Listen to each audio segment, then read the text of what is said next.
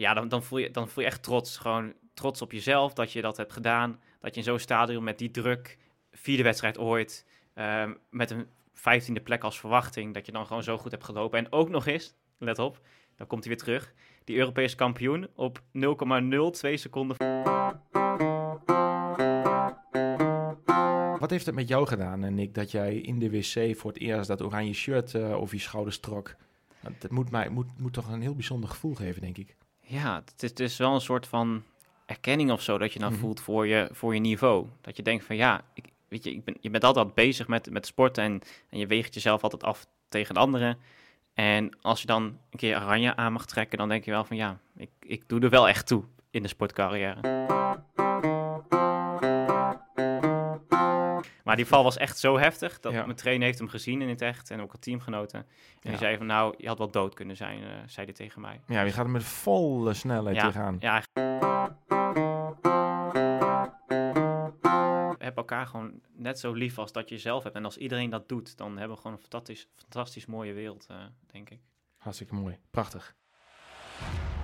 Ja, wat een prachtige quote is dit dan. Heb een ander lief als jezelf. Dit is de uitspraak van de man die vandaag te gast is in de Sportvoeding Webshop podcast. Nick Marsman is zijn naam. Een super sympathieke jonge atleet, 25 jaar en hij is dé Nederlands kampioen op de 3000 meter stiepel. Hij kwam uit voor de Nederlandse equipe op het EK voor landenteams in Polen op 24 juni 2023. Hij behaalde een prachtige plek op nummer 11. Een onverwacht hoge klassering. Hij is fysiotherapie-student en ik ben uiteraard dan ook benieuwd: helpt deze opleiding hem in zijn topsport om beter te presteren? Want ja, je hebt natuurlijk als fysiotherapie-student een absolute voorsprong in de kennis van je eigen lichaam om beter te presteren in de topsport. Maar in deze podcast gaat het veel verder dan alleen de achtergrond als fysiotherapie-student. Ik spreek met hem over van alles en nog wat en daarom zou ik zeggen, een hele mooie podcast weer die voor je klaar staat. Welkom bij podcast nummer 40 van Sportvoeding Webshop. Mijn naam is Henk-Jan Koershuis, de host van deze podcast. En ook deze podcast nemen we op in de prachtige Experience Center in het Twentse Zenderen. Veel plezier. Nick, goeiedag. Van harte welkom in de podcast van Sportvoeding Webshop. Leuk dat je het bent, man. Ja, mooi. Dankjewel dat ik mag komen. Ja, graag gedaan. Er ging nog wel wat aan vooraf, of niet? Want ja. uh, lekker band met de auto. Met de auto nog wel. Ja, echt pech. Ik ging naar de kant van een vrachtwagen in de berm. Probeerde weer terug op de weg te gaan. En het gas was daar zo hoog dat ik zo'n witte groot obstakel niet uh, kon zien liggen. Dus bam. bam. En ik stapte uit en dan hoorde ik dat, dat geluid, ja. nou goed, je bent er. Mooi. Ja. Hey, je bent uh, aangekomen in, uh, in Zenderen. We zitten deze podcast op te nemen in de podcaststudio van Sportverwerker in Zenderen, in onze hometown, hier midden in, in ons Experience Center. de allereerste vraag die ik voor je heb, en dat, ja, dat, ik hoef daar eigenlijk helemaal niet lang over na te denken, Nick. 25 jaar en eindelijk na jarenlang werd je geselecteerd voor, voor het ja, voor het nationale team. En mocht je deelnemen op het uh, EK landenteams op de stiepel 3000 meter gaan we het over hebben. En je liep de elfde plek uh, op dat EK in Polen op 24 juni van 2023. Hoe, uh, hoe was dat om het oranje te dragen en om een toch wel onverwachte mooie klassering een elfde plek te lopen, Nick? Ja, ontzettend gaaf. Natuurlijk droom je altijd van het oranje tenue aantrekken. En dat dat dan eigenlijk zo ver komt, ja, is echt gaaf. Ja, en, en, en het hele uh, evenement ook gewoon mooie ervaring. Je bent daar, nou wat waren daar, iets van zes dagen of zo, vijf, zes dagen. Mm -hmm. dus, dus, echt, ik was echt even in een andere wereld. Echt even genieten van, van die omgeving van topsport, van de andere atleten, van uh, het oranje dragen, uh, van de wedstrijd die ik heb gelopen. Ja, ja, echt gaaf. Want hoeveel mensen zaten in het team van het Team NL? Ik dacht dat er zo'n 38 atleten meeging, of, of zo, net rond de 40, zoiets. Zo. En jullie uh, jij nam deel aan de 3000 stiepel. Kun je even kort uitleggen voor de luisteraar die geen achtergrond heeft in de atletiek wat de 3000 meter stiepel is?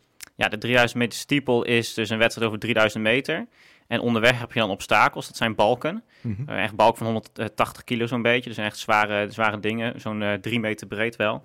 En daar moet je overheen gaan. En dat zijn er per ronde zijn er vier normale balken op een baan. Mm -hmm. Dus 400 meter heb je in een rondbaan, dus vier balken. En dan vervolgens ook nog eens één keer in die ronde een waterbak. Dus het is dezelfde balk, ja. maar dan ligt er een bak water achter. Dus dan moet je net even anders die balk nemen om over dat water ook een beetje heen te springen, zodat je niet volle bak in het water landt. Uh, totaal 35 obstakels die je hebt tijdens ja. zo'n wedstrijd. Juist. En um, die waterbak, even, ik heb daar, ik, voor een luisteraar die dat wil kennen, waar, wat is eigenlijk de functie van die waterbak? Weet je zo de historie daarachter? Want ik heb ook wel vaak natuurlijk naar de stiepel gekeken en dan zie je inderdaad eenmaal, eenmaal komt die waterbak voort. Ja, eenmaal per ronde. Ja, dus de, zeven keer totaal. Ja, dus de atletiekbaan is uh, 400 meter lang. En eenmaal op die uh, ronde is dus dat obstakel de balk um, over de breedte waar alle runners overheen gaan en je landt dan in de waterbak. Wat is eigenlijk de functie van zo'n waterbak? Weet je dat of niet? Ik weet, ik weet niet wat de gedachte erachter is, eerlijk gezegd. Maar ik kan me voorstellen dat misschien vanuit vroeger, vanuit mm hè, de, de oude tijd, zeg maar, uh, dat ze net even wat afwisseling wouden. Dat, dat je soms ook eens over een sloot heen springt of zoiets. Dat het in die vorm terugkomt in dit loop. Ja, geen idee. ja, nou wel goed, helemaal goed. Ik was even puur, puur een persoonlijk interesse. En we gaan er nog uitgebreid hebben over jou. Ja, misschien wel. Is het toch wel je hoogtepunt, toch? Of niet deelname op de EK? Ja, ik denk dat, ja, ja dat vind ik wel het hoogtepunt. Ja, absoluut. Dus, uh, maar voordat je daar eh, bent gekomen, Nick, 25 jaar, uh, opgegroeid in, geboren in Ommen. Ja. Opgegroeid in Ommen. Tegenwoordig werk, woonachtig in uh, Dedemsvaart. Je bent getrouwd met Linda.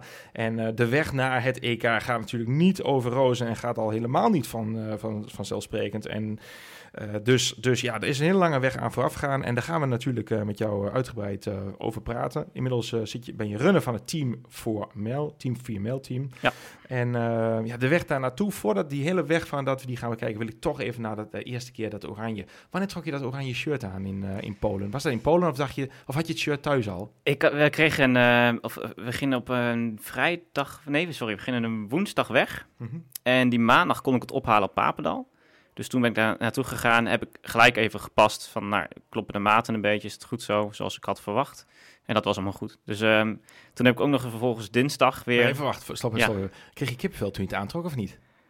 Nou, het was, het was in de wc, dus het was niet heel erg, heel erg charmant. Maar um, ja, ik, ik, had wel echt even zo'n momentje dat ik dacht van, ja. Ah, wat gaaf. Ja. ja.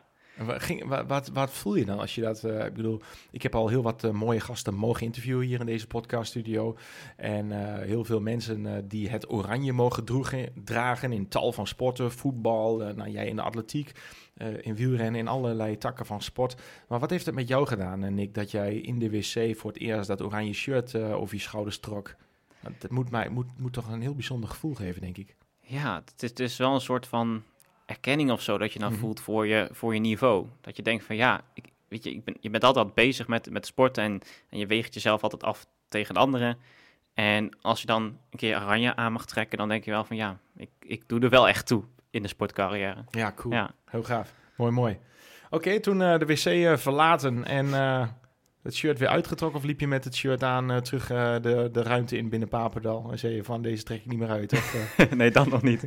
Nee, gewoon de normale kleding weer aan. Maar ik heb wel gelijk de dag erna nog even een filmpje opgenomen met de kleding aan. En natuurlijk op, op de socials gegooid. Van, nou kijk, ik ga in oranje lopen. Ja, fantastisch. Um, en vervolgens, ja, vanaf woensdagochtend vroeg op pad met de trein naar Eindhoven mhm. voor het vliegveld. Ja, meteen trek je het alles al aan. Want dat is gewoon je outfit. Dat is ook Verplicht zelfs. Dus ja, um, ja vanaf toen was het echt non-stop uh, Nederland kleding aan tot en met uh, zondagavond. Ja, het hoeft niet eens verplicht te zijn, maar als je dat shirt hebt, dan voelt het helemaal niet als verplichting. Je zegt, ik ga hier lekker lopen. Wat je, kijk jezelf anders als je dat shirt aan hebt, uh, Nick, als jij de reis maakt. En, want als ik op het vliegveld ben, op de luchthaven, of ik ben ergens en je ziet zo'n Team NL Ik ben dan een sportman in hart en nieren. Uh, by far niet zo goed als jij natuurlijk. Ehm, maar ik ben gefascineerd, zeg maar, als ik daar een, uh, een Team NL zie. En je hoeft geen sporter te zijn om, om ja, dat trekt. Wordt er anders naar je gekeken? En kijk jij ook anders als je, dat, als je zeg maar, met de equip zo rondloopt? Ja, toen ik het aantrok en zeg maar de openbare ruimtes inging, dat voel ik me wel een beetje ongemakkelijk in. Want ik ben in de basis redelijk bescheiden persoon. En als je dan in één keer zo loopt uh, stoer te doen met je kleding, zeg maar. Zo voelt het dan voor mij. Mm -hmm. terwijl het gewoon moet eh, en nodig is. Maar ja, dat voelt dan wel uh, bijzonder. En dan denk je van, oké, okay, gaan ze nu allemaal aankijken? En spreken mensen ons misschien aan? En nou, dat gebeurde ook wel. Een paar keer dat mensen ons aanspraken van... hé, hey, waar, gaan jullie naartoe? En succes. en dat soort dingetjes. Ja, cool, cool. Mooi. Um, toen afgereisd naar, naar Polen. Ehm, neem ons eens mee... Um, Nick, na die dag 24 juni. Misschien gaan we even terug naar de dag van de dag ervoor, 23 juni. Uh, om daar te beginnen. Uh, je bent al even in Polen ja. aangekomen. Je zit de dag voorafgaand aan, uh, ja, aan eigenlijk jouw, ja, zeg maar jouw hoogtepunt van je carrière tot nu toe. Wie weet wat er allemaal nog komen gaat. Maar dan is het de dag daarvoor, is 23 juni. Nick Marsman, 25 jaar, hele leven lang getraind, vele uren, ontelbare uren gemaakt op de baan, in het bos, op de weg. En wat, wat, wat heb jij meegemaakt die dag ervoor? Ja, die dag ervoor. Ik, ik, sowieso wou ik het stadion nog graag zien. Mhm. Een beetje de, de indrukken alvast um, op je in laten werken, dat je dan niet de dag erna hebt. En qua spanning viel het eigenlijk nog best wel mee. Ik, ik, ik, kon nog redelijk relaxed blijven, onder het feit dat ik de dag daarna in zo'n groot stadion, want dat is echt een heel mooi stadion, mhm. ehm, dat, we daar, eh, dat ik daar zou gaan lopen. Dus de, dag ervoor ging nog best wel goed qua spanning. En heb nog even losgelopen en um, nou, ook, ook wel gewoon veel zin. Um, dus die dag ervoor wow, viel mee qua, qua gevoel. En goed kunnen slapen? Ja. Ja? Ja. Oh, fijn. Hoe kan ja. het dat je zo... Uh, ja, hoe kan het dat jij zeg maar zo rustig bleef en zo goed kon slapen, goed voorbereid was? Want ik kan me ook voorstellen dat je wellicht heel veel wedstrijdspanning of zenuwen of hoe, hoe kan het dat je, hoe verklaar je jezelf dat je zo rustig bleef en uiteindelijk dus ook zo goed hebt gepresteerd? Ja, dat is denk ik ook als ik mij vergelijk met de andere atleten wel iets waarin het best wel goed ging bij mij. Want er Mhm. waren ook andere atleten die, nou, die waren heel gespannen. Zelfs tot op het moment dat iemand mij vroeg van... hey, wil je diegene in de gaten houden? Want uh, die heeft zoveel spanning, gaat het wel goed. Um, maar ik zelf, ik, ik, denk dat ik vrij zelfstandig ben opgevoed. Of in ieder geval ja, Mhm. redelijk wat zelfstandigheid heb geleerd uh, uh, vroeger. Dus, dus daarin kon ik mij ook best wel goed redden bij zo'n wedstrijd. Ik had weinig tot geen hulp nodig van de bondscoach... Um, ik liep gewoon in mijn eentje naar de kalm en dergelijke. En ja, ik weet niet, ik, had, ik, had, ik, heb nooit Ja. het gevoel gehad van... oh, ik heb echt per se iemand nodig uh, die mij daarin helpt. Dus ik denk dat die, dat gevoel voor zelfstandigheid en dat vertrouwen in mezelf dan ook... Um, dat dat er wel uh, uh, voor heeft gezorgd dat ik niet al te veel spanning voelde voor de wedstrijd. En natuurlijk wel de nodige spanning, want je wilt altijd wel wat wedstrijdspanning opbouwen. En ook zeker toen ik dat stadion inliep, dan, ja, dan voel je echt wat spanning. Gewoon bijna hartkloppingen zelfs. Misschien komt, kikte net de cafeïne, cafeïne in, maar um, Mm -hmm. um, ja, op dat moment komt dat natuurlijk wel. Maar daarvoor ja, kon best wel cool blijven. Mooi, mooi. Komt het vanuit, is dat vanuit je opvoeding, uh, dat vertrouwen in jezelf en die zelfstandigheid?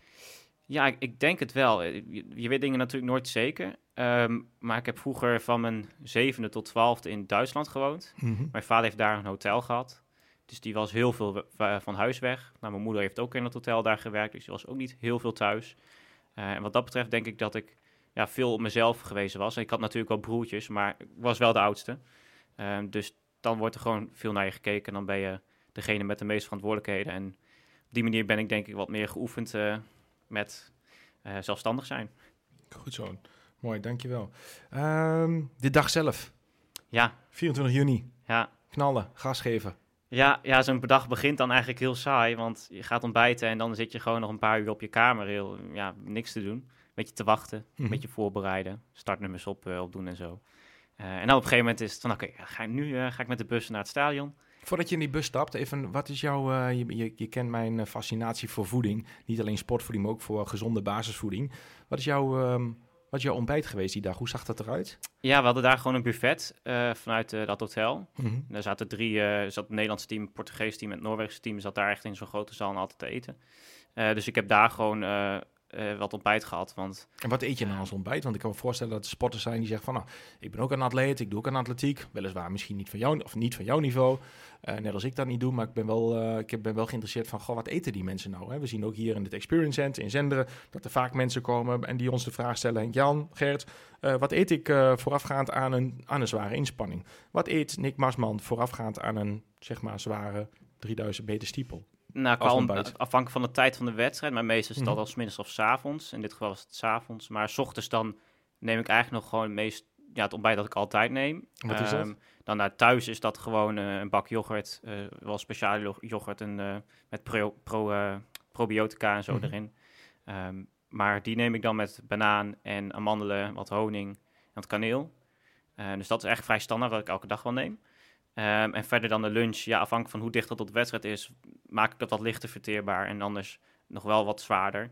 Um, en nu ik natuurlijk in Polen daar zat, um, kon ik niet echt, ja, ik heb niet al mijn spul meegenomen, mijn yoghurt mm. of zo. Dat, Mm. dat doen atleten wel hoor, bepaalde voedingsstoffen of voedingen ja, meenemen, zodat ze dan hun, hun, hun standaard voeding hebben. Maar uh, daar kon ik gewoon ja, redelijk vergelijkbaar met uh, het ontbijt wat ik normaal ge, heb, ontbij ontbijten. Mm -hmm. En qua lunch, ja, daar heb ik wel wat anders gedaan dan normaal gesproken. Terwijl dat niet per se aan te raden is. Nee. Vaak eh, als je op, in één keer op een toernooi bent, dan denk je van... Oh, nu moet ik extra mijn best doen, doe ik andere dingen. En Ja, dat werkt misschien eten niet of- altijd. Ja, meer Ja. eten. Dat je denkt van, oh ja, nu moet ik wel extra goed zijn. Dus extra veel eten. Mhm. Maar ja, wat mij betreft moet je gewoon lekker doen wat je altijd doet. Want Ja. je weet daarvan dat het werkt. Tenminste, natuurlijk werkt. Ja, dat is ook wel een tip voor de luisteraar, denk ik. Van, goh, we krijgen vaak eh, vragen, eh, als ik dan even een sprong mag maken naar de luisteraar, die ook eh, fanatiek aan de sport is, van, goh, als ik dan deelneem aan een evenement, ja, hoe moet ik het dan doen? En dan is mijn advies ook altijd van, ga niet het roer radicaal omgooien, ga hooguit wel wat, kijk, als jij bij spreken eh, ehm, hardlopen bent en je maakt je trainingsrondjes en je gaat dan vervolgens een marathon lopen, dan is het vanzelfsprekend dat je een grotere volume gaat eten. Maar ga dan niet extreem andere voeding eten dan je gewend bent, omdat je lichaam gewoon heel erg goed functioneert op de voeding. Waarschijnlijk wat je tot nu toe altijd eet, mits dat eh, ook goed voelt. Eh, en ga het roer niet extreem radicaal omgooien. En doe dat dan vooral op de momenten dat je nou ja, niet eh, de marathon loopt. Gewoon ga je voedingspatroon eens onder de loep nemen. Dat is heel wat anders dan één keer per jaar eh, totaal anders gaan eten. Ehm, heel goede, goede tip, denk ik, eh, Nick. Ja. Dankjewel. Ja, oké. Ja, dus dat was eigenlijk gewoon een warme maaltijd eh, daar zo. En het was dan denk ik wel zo'n beetje zes uur of zo voor de wedstrijd. Dus dat Mhm, ook wel voldoende precies. tijd om, Ja, ja, om om gewoon normaal verwerken. verwerkt te worden. En, Yes. en geen darm- of maagklachten op te Ja. leveren. Want wat ik in het verleden wel heb gehad, maar door voeding ehm, heb kunnen verbeteren. Mooi. Ehm, dus ja, dat ging eigenlijk prima eh, qua voeding. En dan ja, richting de wedstrijd, dan eet je nog wat licht verteerbaar spul. En wat is Eh, dat? Licht verteerbaar ik, spul? ik heb daar maar wat eh, bij de supermarkt gehaald. Iets van die, Mhm. van die melkbroodjes of zo. Eh, ja, weet je wat suikers erin. Ik bedoel, dat Ja. geeft niet op zo'n moment. Nee, zeker niet. Ehm, en, en uiteindelijk is, is de voeding voor de wedstrijd, naar mijn idee, voor zo'n kortere afstand ook niet het meest belangrijk. Want als je gewoon de hele week ervoor al goed hebt gegeten, Precies. dan ja, zit er al genoeg koolhydraten in je bloed Ja. en in je spieren. En, Inderdaad. En dan hoef je ook niet ontzettend veel te eten voor die ene wedstrijd. Klopt, omdat het natuurlijk een, eh, een relatief korte inspanning is. Eh, je hebt daar 8 minuten 39 seconden en jawel 97 honderdste over gedaan. Ehm, dus ja, dat is natuurlijk zo'n korte inspanning dat je voldoende glycogeenvoorraad hebt, oftewel opgeslagen energie in, eh, in je lichaam.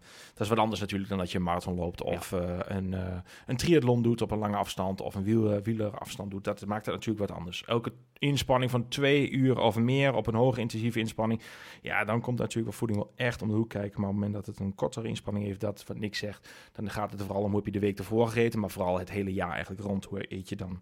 Dat is echt cruciaal om dan fit aan de stad te schijnen. Eh, dan heb je de bus in, zei je, en dan eh, ga je naar dat stadion toe waar je de, ja, waar je dat, waar je dat, waar je mag, waar je mag losgaan. Ja, ja, ja, dan ga je dus eerst naar het warming-up terrein. Daar heb je dan een eigen eh, kamer, zeg maar, voor, voor het land. Ehm, en daar gewoon de spullen neergelegd, een beetje wachten. Mhm. Want je gaat natuurlijk ruim op tijd er naartoe. Dan, niet dat je straks de bus mist of zo, of dat de Ja. bus niet op komt opdagen en dat, eh, eh, dat het dan fout loopt. Dus eh, daar nog eventjes wachten. Nou, op een gegeven moment beginnen met de warming-up.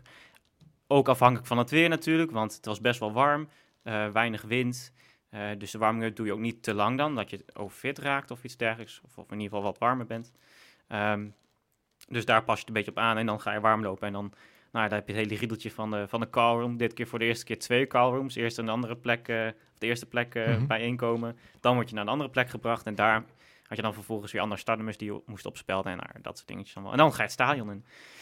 Ja, en dan is het toch wel even een hele gave ervaring. Zo, ik zie je het aan je gezicht, nee. Ik zie het aan je Ja. gezicht, ja. Ja, tuurlijk. Ja, je loopt zo'n stadion binnen. Ja, Ja, en dan kijk je om je heen en denk je, ja, zo. Het is echt wel weer heel anders vanuit daar, zeg maar, naar, naar het stadion kijken. Of echt naar buiten toe kijken, Mhm. zeg maar, dan dat je van boven naar binnen kijkt. ja dat geloof ik. Ja. Want en je loopt natuurlijk eh, met de andere eh, topatleten, loop je daar zo eh, eh, de baan op. En ik ook nog eens vooraan Mhm. van het rijtje. Je liep in een rijtje en ik liep dan nog vooraan. Dus eh, Want welke baan had je? ehm, ik stond helemaal aan de binnenkant. Oh ja. Ja, Ja, is dat dan baan 1? ja, baan 1. En, en ja, we staan in een rijtje hoor. Dus het is niet dat ieder zijn eigen baan krijgt, maar ik stond wel aan de binnenkant. Dus dan sta je wel in baan 1, ja. Ja. Ja. Cool. En, en ja, ik, ik had dus nog vlak voor die start echt nog wel flinke hartkloppingen. Ik weet niet, dat komt door de spanning. Dat kan Ja. komen dat de cafeïne net in was gekikt, want ik was daar eerlijk gezegd een beetje laat mee. Mhm. Want hoe ver van tevoren heb je dat? Heb je een cafeïnepil genomen of koffie of cafeïne pillen. tablet? Ja, oké. Ja, En ehm, je hebt een cafeïne tablet genomen, cafeïnepil. En hoe ver van tevoren heb je dat genomen? ik had dat nu even denken, ja, rondom het half uur van Oh ja. tevoren. Oh ja. Ze was net aan, misschien voldoende. Ja. Eh, ik weet Ja. niet, misschien wil jij dat beter, Ja. maar of misschien wel, heeft het ook helemaal niet gewerkt. Maar Nou, ik denk het wel. Oké, ja. Ja. Het is een beetje van persoon tot persoon. Hè? Dus Ja, afhankelijk. Drink je ja. koffie overdag, eh, Nick? eh, nee, ik drink Nee? weinig koffie. Nou, dan is de cafeïnepil wel een extra booster. Hè? Op het moment dat iemand koffie op een dag drinkt, ook weer de hoeveelheid is natuurlijk wel van belang. Maar dan werkt een cafeïnepil natuurlijk ietsjes minder sterk dan dat je dat nooit neemt. maar als je ja, uh, producten inneemt met cafeïne. Of wij hebben natuurlijk vanuit Sportfans de welbekende Guarana shot. Nog krachtiger dan uh, cafeïne. Dus misschien mooi voor je volgende EK. Ja. um, Maar um, um, ja, dat, dat werkt heel goed. Overigens, uh, als je meer dan vijf koffie op een dag drinkt... en ik weet dat er luisteraars zijn die deze podcast in de auto luisteren... of tijdens het fietsen, of tijdens het wandelen... of tijdens het stofzuigen of strijken... of de was doen, of de vaatwas in of uitpakken... wanneer je deze ook maar luistert. Maar drink je meer dan vijf koffie, koffie op een dag... stop met die gekkigheid. Uh, zeg ik even heel erg uh, ongegeneerd... En, maar wel heel directief en vol overtuiging. Want dat is echt wel de max wat een lichaam op gezonde basis kan verwerken. Natuurlijk zijn er mensen bij die 8, 9 of 10 koffie of meer drinken op een dag. Uh, dat is echt ongewenst. Je, je hebt het misschien niet door, maar dat is uh, zeer ongezond. Dus als je 5 koffie op een dag drinkt of meer, breng het, uh, reduceer het terug naar 5. En ehm, als je helemaal geen koffie drinkt, dan zou je ook wel cafeïne of guarana shot-achtige producten kunnen gebruiken, zoals Nick ook doet rondom de wedstrijd. Dat, dat geeft echt wel een, ja, een prestatiebevorderend effect. mooi, mooi dat jij dat ook even ervaren. En even tussendoor, voordat je start, je, je, je zit in lijn, laan 1 of rij, uh, baan 1, sorry, baan 1, mhm, excuus. Ja. Je zit in baan 1 en uh, je gaat richting die, die startlijn. Is er ook een atleet geweest op het EK waar je naar keek bijvoorbeeld, die daar rondliep en dat je dacht, goh, hij of zij, um, dat is een van mijn voorbeelden geweest waar ik naar keek en waar ik een extra kick van kreeg, omdat ik ook met hem of haar in mijn aanwezigheid mocht lopen? Niet heel bewust ik heb niet echt stilgestaan van, oh, die atleet, wow, dat is echt uh, gaaf. Uh, maar er was wel één atleet waarvan ik gewoon wist, um, of die, die ken ik zeg maar wat beter. Die uh, is Europees kampioen geworden in, nou ja, recent, 2000, ja, mm de afgelopen jaren.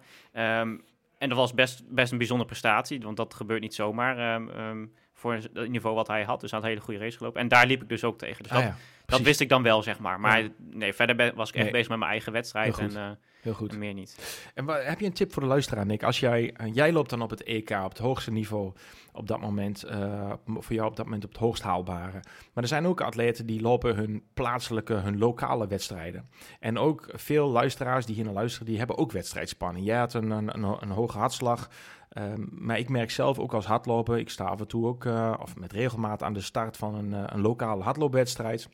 En dan zie ik ook mensen omheen die ook gespannen kopjes hebben, gespannen zijn, hoge hartslag hebben, uh, hun, uh, hun, hun uh, rechter wijsvinger bij het horloge hebben, richting de stadlijn lopen om te denken van oké, als ik over die stadlijn ga, druk ik hem op start mijn horloge. Je voelt de spanning. Hoe kun jij zeg maar een tip geven aan die lopers die de spanning zeg maar ietsjes, nou ja, iets kunnen verminderen? Want sommige atleten hebben misschien net iets te veel spanning. Je hebt het net een voorbeeld genoemd, een van jullie in het in de Team NL. Die zei van, oeh, let even op, op deze persoon. Hoe zou je zelf zeg maar, een tip kunnen geven naar een luisteraar als iemand hier naar luistert en potverdorie, ik heb altijd wel heel veel spanning en het nekt mij keer op keer of af en toe. Heb jij een tip hoe jij rustig blijft voor de luisteraar?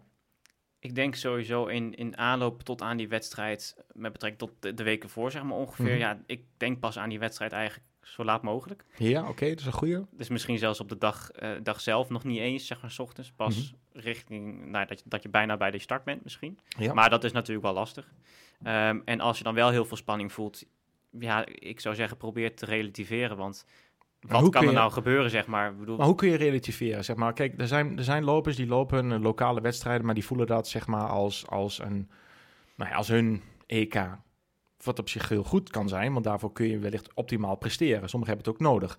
Alleen je kan ook doorslaan in je nervositeit of in je wedstrijdspanning. En hoe kun je dat, hoe, hoe doe je dat? Hoe, hoe, relativeer je dan? Stel je staat in, in Wierden, in Twente, aan de wieselloop, aan de start van de wieselloop, als voorbeeld. En je hebt als recreant, is dat voor jou het maximaal hoogst haalbare. Je kunt niet naar het EK, maar je wil wel daar optimaal presteren. Dat is voor mij bijvoorbeeld. Ik zou nooit een EK kunnen lopen. Ik heb dat niet in mijn, in mijn systeem, in mijn motor zitten, wat jij wel hebt. En ik stel dat ik extreem veel wedstrijdspanning heb. Hoe kan ik daar toch daar dan relativeren als ik daar met spanning aan de start sta? Wat doe jij waardoor je kunt relativeren? Denk je aan iets of denk je juist niet? Denk je aan iets anders? Hoe relativeer je? Of denk je iets wat je hebt meegemaakt in je leven? Hoe doe jij dat, Nick? Ik denk dat je gewoon um, sowieso moet focussen op van oké, ik ga straks gewoon lopen en ik doe gewoon mijn ding. Mhm. Wat ik kan, waarvoor ik heb getraind waarschijnlijk. Ehm, en dat gaat gewoon zo zoals het zou gaan. Daar, heeft niet veel, daar is niet heel veel invloed meer op. Dus je gaat gewoon je ding doen wat je al kunt. En je moet het zeg maar alleen nog even laten zien. En dat kun je. Dat komt goed. En de vraag is dan... Ah, wacht even. Ja. Hoe doe jij dat, zeg maar? Jij, jij ga, Ja. je- maar jij gaat dus heel, heel, heel onbevangen of heel bewust, zeg, daar heb je het vertrouwen. Misschien is dat het juiste woord, want je zei het ook. Van, ik heb twee, twee dingen opgeschreven hier. Dat je zei vanuit vroeger uit al, dat je toen je was, toen je de tijd dat je woonde in Duitsland, dat je vader en moeder veel tijd besteedden in het hotel, als ik je goed beluisterd heb. Mhm. En dat je zei van, ik heb ook veel eh, vertrouwen in mezelf en ook veel zelfstandigheid. Is dat een moment, komt dan een moment terug bij jou dat je zegt van, dat vertrouwen, ik ga gewoon mijn ding doen. Ik heb het altijd gedaan en ik vertrouw op mezelf en ik heb die zelfstandigheid. Ik ga gewoon lopen. Zeg Ja, ik denk dat los- het daar op neerkomt. Gewoon vertrouwen in hebben in, in wat je kunt. En wat je hebt gedaan al. Mhm. Ehm, en dat gewoon laten zien. Ja. En als je met die gedachte eh, gaat starten, ehm, of, of richting die start gaat, Precies. ehm, Ja. dan, dan is er geen veel spanning nodig. Want eh, ja, het gaat gewoon zoals wat je hebt. Dus Helder. de verwachtingen die je hebt, dat kun je niet overtreffen of iets dergelijks. Dat is, Nou, over verwachtingen Ja. overtreffen eh, heb jij wel gedaan, want eh, je was elfde ben je geworden eh, in deze eh, 24 juni 2023 op de 3000 meter steeple. Dat was je eigenlijk je, niet eigenlijk, dat was je debuut voor Team NL. Je werd daar elfde met een, een fascinerend sterk eindschot. Ehm, elfde was niet wat je gedacht had te halen. Dat heeft je verwachtingen overtroffen. Ehm, hoe, kom, hoe kwam dat dat je je verwachtingen hebt overtroffen? Ja, we hadden eh, de- de- in het donderdag, zeg maar de dag ervoor, hebben we gewoon een algemene meeting gehad met het team. En nou, dan vinden ze het gewoon leuk om, om zeg maar, de verwachtingen op te schrijven. Ik zou er zelf niet zo erg mee bezig zijn, want ik wil Mhm. gewoon mijn best doen. En, en, dan zie kom ik wel uit waar je wat- uitkomt. Ja, precies. Dat, hè. dat ook tegen die spanning dus kan helpen. Ehm, maar eh, de verwachting was op basis van ook de seizoenstijd. Dus je hebt zeg maar, je Ja. PR, je allerbeste tijd ooit. Mhm. En je hebt de tijden die je dat seizoen hebt gelopen. Ja. Nou, de tijden die ik dat seizoen heb gelopen, eh, heb gelopen en ten opzichte van de rest zou ik dan 15e eindigen van de 16. Mhm. Dus de verwachting was dat ik dan eh, twee punten zou halen, want je scoort punten aan de hand van je positie. Eerste 16 punten, laatste 1 punt. Ja, want voor de, voor de luisteraars, je hebt deelgenomen aan het EK landenteams en met elkaar, alle atleten halen op hun eigen onderdeel punten. En op basis van jouw vijftiende klassering zou je dan twee punten halen en dat zal eh, de klassering zijn voor het, eh, voor de, nou ja, voor het totaalklassement. Ja, En je elfde positie, hoe leverde hoeveel punten op? Eh, zes. Zes, zo Ja. dat is nog een verschil. Ja, precies. Dus, dus ik werd elfde en, en ja, dat scoorde flink veel mooier dan, dan die twee punten die Mooi. we voorspeld hadden. Mooi. Ja. Hoe, ehm, die, die, die rondes die je liep, hoe ging dat over die balken? Had je, vloog je eroverheen? Had je superbenen? Eh, nee, de, de, balkenpassages gingen eigenlijk niet helemaal zoals ik had gehoopt. Mhm. Want ehm, sowieso heb ik nog maar heel weinig ervaring met ja, want je hebt maar een paar stiepels gedaan, toch? Dat was mijn, even denken, vierde stiepelwedstrijd Zo. ooit. Zo. Terwijl het wel een onderdeel is waarop je ervaring nodig hebt. Mhm. Dus eh, nou, ja, dat, dat was sowieso al bijzonder. Eh, maar die passage die ik nam, ja, ik, ik li- we liepen dus in een groep en ik had elke keer iemand naast mij. En aan die kant wou ik net mijn be- bijtrekbeen, zeg maar. Je gaat eerst met één been gestrekt overheen. En Ja. die andere been, die haal je dan zeg maar via de zijkant, eh, trek je eh, mee naar voren. En daar heb je net even wat meer ruimte voor nodig. Mhm. En dat kreeg ik niet doordat ik naast iemand liep. Dus het voelde voor mij alsof ik dat been niet gewoon mooi eroverheen kon halen. Dus dan ging ik anders eroverheen. Weet je, Is dat, is dat ervaring hoe je dan uitkomt of niet? Of is het gewoon, je zit in een hoek en dat is gewoon net even, er zit iemand naast je, hebt gewoon even tussen haakjes pech. Eh, Nee, want ik denk dat het wel ervaring is. Want als je uiteindelijk, of zeg maar, terugdenkt aan het moment, eh, ik, eh, of Mhm. als je terugziet op beelden, dan is er wel genoeg ruimte. Helder. Maar het voelt gewoon alsof Ja. je dat niet hebt. En Ja. die ervaring die zorgt ervoor dat je dan de volgende keer wel Mhm. gewoon je ding doet. Terwijl je wel dan ook echt die ruimte hebt. Helder. Even tussendoor, ik zie soms als ik naar de stiepel kijk, zie ik bepaalde atleten met ehm, het voorste been, de balk op de balk springen als het ware, als het ware afzetten. Ik weet even niet hoe ik het noem, maar jij weet wat ik bedoel. Ja. En sommige, en, en, maar de meeste atleten die gaan er overheen, dus eh, eerst de been gestrekt, het, het tweede been wat volgt, eh, als het ware, ja, hoe noem je dat? Eh, bij, eh, Ja, bijtrekbeen. bijtrekbeen, oké. Maar er zijn ook atleten die zetten eerst de voet op de balk. Klopt of niet? Klopt, en dat doen de meesten wel, want Oké. dat doe je namelijk bij één van die balken. Ja, Ja, oké. dat doe je bij de waterbak. Ah, oké. Omdat er dus een, een bak water achter ligt, Ja. ehm, wil je er eigenlijk een beetje overheen springen. Ah, je wil Dus- zo ver mogelijk die waterbak uit. Precies, dus de meest standaard techniek is gewoon dat je voor die waterbak ehm, afzet. Mhm. Dan ga je vervolgens met één been land je op die balk. Daar wikkel je als het ware met je voet zeg maar overheen. Dus je hak zet je er tegenaan. En dan Ja, wikkel je tak, eroverheen. hap. En dan met de voorkant van je voet kom je dan aan de, aan de achterzijde, zeg maar. Mhm, En dan kun je afzetten naar voren toe en een beetje omhoog. mhm. Ehm, Hoe, hoog dan- is, hoe hoog ligt die balk vanaf de grond? Ehm, even kijken. Plus minus? eh, 91,4 in mijn Ja, hoofd. zeg maar, zeg centimeter. maar een goede 90 centimeter, even Ja. heel grafweg gezegd. Oké. Ja. En ehm, hoe eng is dat? Om daar je voet op te zetten als je dus die ronde loopt. En je komt vervolgens in de waterbak. Je hebt vervolgens een natte zool, natte voet. De volgende ronde kom je weer dichter bij die balk. En is dat ook wel is dat ook glad? Kun je daar ook op uitglijden? Of is dat, zit het in je hoofd? Ja, dat kan niet. Als je, als je Nou, angst leuk, voelt, dan leuk gaat het dat, je dat, maar- eh, dat je dat vraagt, want dat is mij overkomen in mijn tweede wedstrijd. Oké.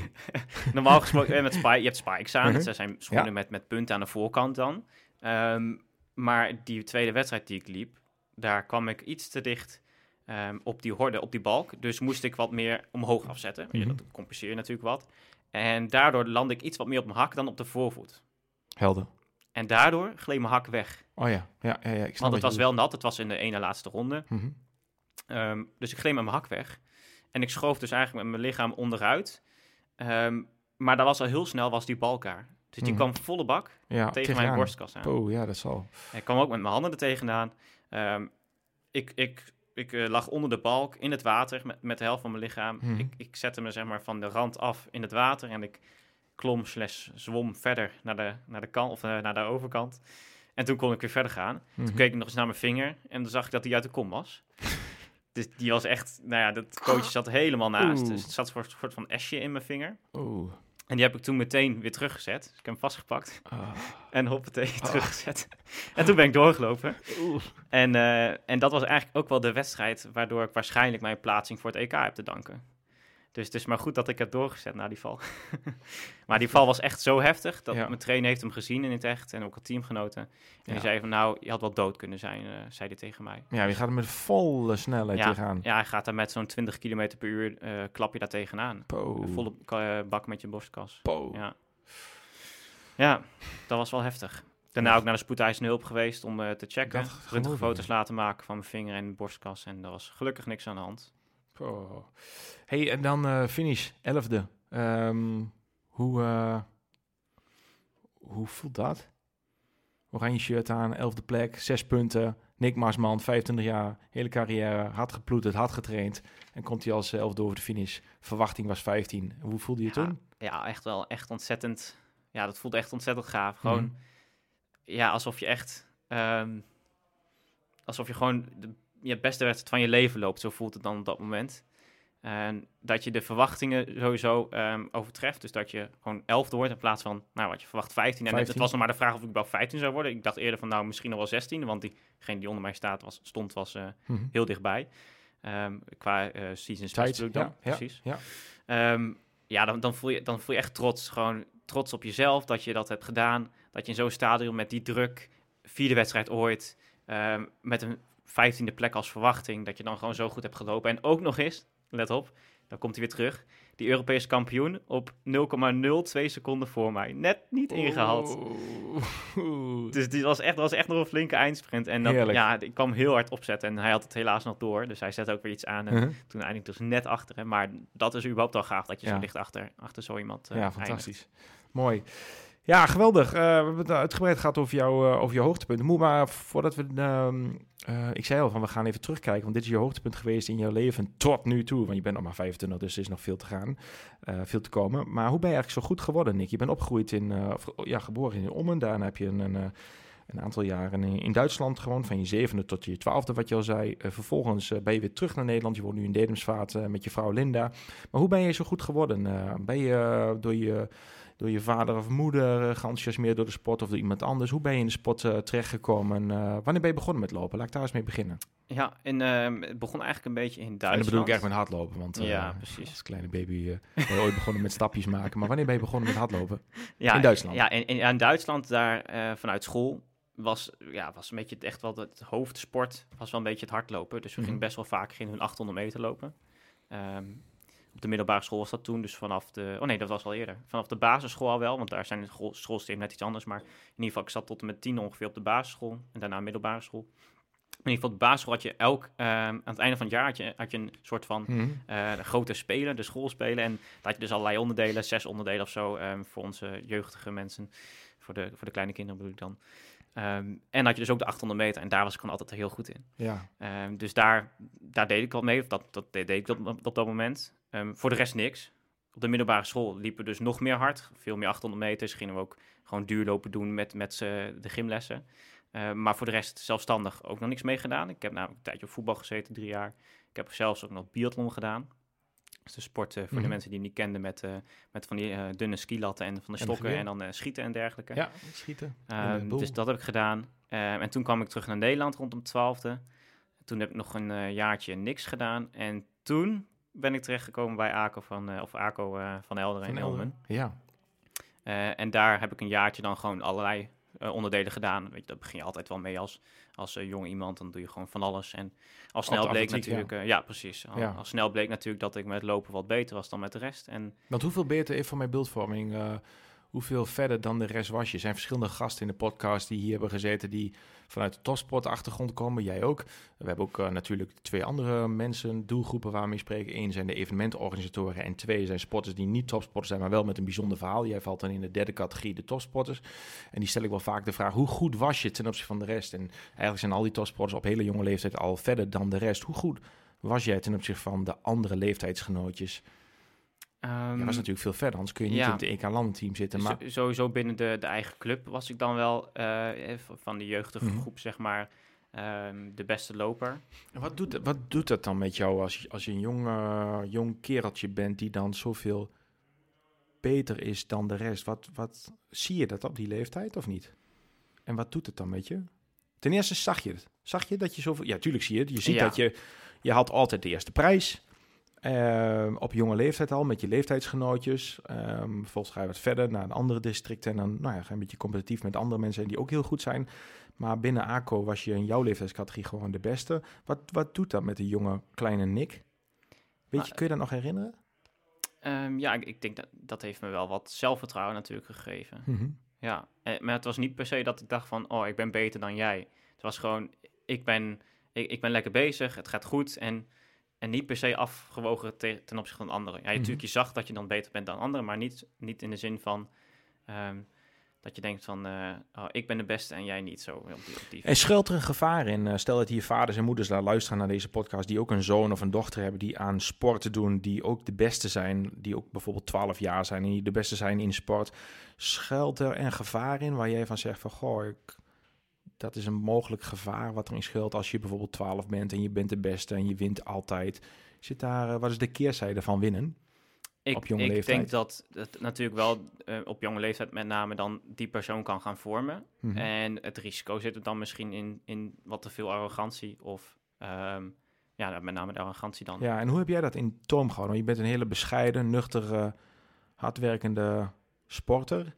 Ehm, terwijl je ontzettend goed bent, blij, blij, hoe, hoe, kun je, hoe, blijf je, hoe, hoe ben jij bescheiden gebleven, eh, Nick? Nou, omdat ik, omdat ik gewoon geloof dat iedereen ehm, zijn eigen waarde heeft. En, en Mhm. dat de een niet beter is dan de ander. Ook al ehm, staat degene misschien aan, aan de top van de wereld en de ander die, eh, die is helemaal niks eh, in de maatschappij. Zeg maar dat, dan is ieder mens nog steeds wel hetzelfde. Ik, ik deel je mening volledig, maar hoe, ik, ik, ik zit helemaal op één lijn met je en ik, ik deel het volledig. Maar hoe krijg je het voor elkaar als jij altijd op het hoogste treden staat? En wij worden nou ja, beloond als het ware met een beker of met een applaus. En het hardste applaus is altijd voor de nummer 1 bij de hardloopwedstrijden. De grootste beker is voor nummer 1. De meeste mensen klappen voor nummer 1. En als nummer 27 binnenkomt bij de hardloopwedstrijden, dan wordt er minder geklapt. Daar is die persoon als mens niet minder om. Maar hoe ga je daarmee om als je 12 jaar bent? Als vader of als moeder bijvoorbeeld, die het nog kunnen sturen. Eh, en welke, ja, heb je daar een, heb je daar een, een tip bij? Of, of een tip, maar wat is dat, wat, ja, dat is, dat is een beetje wat ik benoem, het, het- wat is de keerzijde, wat is het gevaar van winnen? Ehm, Want, want ooit kom je erachter dat als je heel jong bent en je wint alles, dat, dat je dan in het grote leven komt, in de grote maatschappij, dat we allemaal gelijk zijn uiteindelijk. En dat de een niet meer is dan de ander. Maar je kan een vertekend beeld krijgen als je als klein jongetje altijd op de eerste treden staat. Hoe blijf je nuchter? Hoe blijf je bescheiden? Um, goeie vraag. Um, want ja, in hoeverre ben je natuurlijk als 12-jarig kind daar actief in? Dat je denkt van, oh, ik moet mezelf remmen. En dat kunnen dan met name die ouders natuurlijk doen. Um, maar ik denk... Maar misschien is dat het antwoord op je vraag. Dat je, ja, sorry, maar ik denk... Sorry. Ja. ja, ik denk met name dan inderdaad dat die ouders dat kunnen monitoren en, en tekenen van mm zichzelf, zeg maar, uh, verhogen ten opzichte van de rest. Dat je dat moet relativeren richting uh, je kind. En dat is wat jouw ouders onder andere hebben gedaan? Hebben ze jou met beide voeten op de grond gehouden? Of heb je dat zelf gedaan of is er een trainer geweest? Ja, ik denk dat het met name vanuit mijzelf wel is, is geweest dan. Ja. Misschien ook wel omdat ik, uh, voordat ik zeg maar goed bleek te zijn in sporten, niet altijd degene mhm. was die, op, die zeg maar bovenaan stond. Nee, maar je loopt ook niet letterlijk en figuurlijk niet uh, uh, altijd met de neus vooraan en zeggen ik ben Nick Maasman. Nee, nee, ik ben sowieso wel een persoon een beetje op de achtergrond. Ja. ja. Tenzij ik in een Tenzij je een hardloopwedstrijd ja. hebt. Ja, natuurlijk. Dan, dan, is het gewoon mijn ding. En, ook, en dan zeg je van, boem.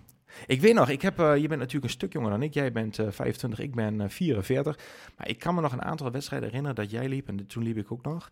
Of loop ik ook nog, ik loop nog steeds. Maar dat jij ook meedeed. En, en ik kan zelf redelijk lopen. Maar redelijk is natuurlijk een, heel subjectief begrip. Um, en, dan, en dan was jij er ook. En, ehm, en dan kon ik alleen maar denken van on, on, ongekend hard. Daar, daar zag je weg. ja, en dan had ik het gevoel dat ik dacht, oké, ik moet nog beginnen. Ehm, dat is wel de indruk die je, die je al op hele jonge leeftijd op mij hebt achtergelaten. Ik kon daar heel erg van genieten, zeg maar. Van mensen die zo hard konden lopen. Ehm, terwijl ik, nou ja, op, op zich prima uh, sportief ben en prima meeloop. Maar mm ja, het is mooi als, je, als mensen nog zoveel harder kunnen gaan. Kun je ook genieten van iemand die jou helemaal uh, op een ronde loopt, bij wijze van spreken, of helemaal dat je denkt van, kun je ervan genieten? Ja, dat, dat, dat, uh, daar krijg ik natuurlijk wel respect voor. Dat ik denk van, jeetje, die loopt nog harder dan ik weer. Mhm. Dus ja. ja, natuurlijk dan heel veel respect voor uiteraard. En daar kan ik ook echt wel van genieten. En ook als iemand dan net van mij wint. Ja. Weet je, natuurlijk mag je even balen van, ik heb net mhm. niet gewonnen van diegene. Maar uiteindelijk gun ik diegene ook, want die doet precies hetzelfde als ik, maar dan zelfs nog iets beter. Dus hey, welk, uh, welke persoon is heel bepalend geweest in jouw leven, uh, Nick, voor jouw sportieve leven? Ja, ik, ik denk sowieso ook wel de, de trainer die ik bij Aken van Elder heb gehad, Cor Bronk. Mm -hmm. bedoel, die heeft mij mijn talent, zeg maar, want ik, ik, ik moet zeg maar net wat meer van talent hebben dan van het harde werken. En dat kan verschillen. Um, maar ik heb redelijk veel talent naar mijn inzien. Zeker. ja. Klinkt een beetje arrogant, probeer ik er niet te zijn. Maar um, nee, die verdediging ligt wel, wel meer richting talent dan richting hard werken, zeg mhm. maar. Um, en hij heeft altijd voorzichtig aangedaan met mij. Niet, niet te hard gaan trainen. Niet te snel dat, dat mhm. vuur op laten branden, zeg maar. Of die, die kaars, of hoe je het ook ja. zien. Ja. Dus ik denk dat hij wel uh, daar een beetje sturing in is geweest. En, en mij natuurlijk gewoon begeleid heeft uh, in, in. Uh, zeven jaar tijd, mm -hmm. totdat ik naar een andere training ging. En wat is het moeilijkste moment geweest tot nu toe in je 25-jarig leven met je sportief? Wanneer, wanneer is een moment geweest dat je, dat je jezelf tegenkwam of dat je jezelf moest uitvinden of dat je misschien wel verdrietig was, boos, gefrustreerd, misschien wel de handdoek in de ring wilde gooien? Wat is echt een heel zwaar moment voor je geweest in je leven? Ja, daar is wel een duidelijk moment in geweest. Dat was toen ik van mijn oude trainer naar Team Female ging. Um, je komt ergens nieuw. En bij, bij Core maakte ik niet zo heel veel kilometers. Um, bij Team Femel, nou ja, dan, dan heb je meer de algemene trainingsleer. Dat is gewoon wat meer kilometers maken. Mm -hmm. dus ja, we gingen een beetje richting meer kilometers. En ik wist dat er een risico zijn van, uh, zou kunnen zijn van als je bij een nieuwe club of nieuwe trainer gaat trainen, dat er dan blessures kunnen uh, komen. Want je gaat gewoon wat anders doen dan dat je ervoor hebt gedaan. Dan, waarom ga je anders naar een andere trainer? Je probeert wat nieuws. Um, en dat gebeurde ook bij mij. Dus we maakten wat meer kilometers en al snel raakte ik geblesseerd. Um, wat last van mijn voet. Voeten zijn natuurlijk heel erg belangrijk voor het hardlopen. Dus uh, dat was niet fijn. Um, was weer een beetje over, maar vervolgens met, de, uh, met het zooltje dat mijn voet heeft geholpen, mm -hmm. raakte ik weer geblesseerd door dat zooltje. Mm -hmm. Dus gingen we weer. Uh, volgens mij heb ik nog een keer wel met mijn knie gehad en, en een keer wel met mijn bil en nou, van alles wat. Maar in ieder geval, ik heb zo'n twee jaar wel echt eruit gelegen. Af en toe wel mhm. een keer wel meegedaan. Um, maar niet echt op, niet op een niveau nee, waar je... niet meer op een niveau wat, wat ik daarvoor had. Helder. Um, en dat was wel heel erg lastig, want um, vlak voordat ik naar Team Femel ging, liep ik in de winter uh, bijna een EK-limiet voor de 800 meter. Ik werd toen ook derde op het NK. En ja, dat liet alleen maar potentie zien. Mhm. Ik was nog vrij Mhm. jong toen, 21. Ehm, en, de, en de bondscoach stond na die wedstrijd dat ik eh, heel goed liep, bijna die EK-limiet liep, stond hij gelijk bij mij eh, ehm, op die wedstrijd zelf nog mij aan te spreken van, hey, eh, wil je bij Papendal trainen? Dus alle deuren gingen Mhm. keer open van, hey, er is een toekomst, er is dit en dat en je droomt al van oranje en, en dergelijke. En toen zag je in één keer de andere kant van de medaille. Ja, het opkomen ja. van blessure. Wat deed, wat, wat, hoe heb je die moeilijke eh, tijd, slash, hoe heb je die, die weerstand overwonnen? ehm, Wie of wat heeft je geholpen of wie of wat heb je gedaan? Ja, toen de tijd ehm, ehm, kreeg ik ook ongeveer de relatie met mijn huidige vrouw Linda.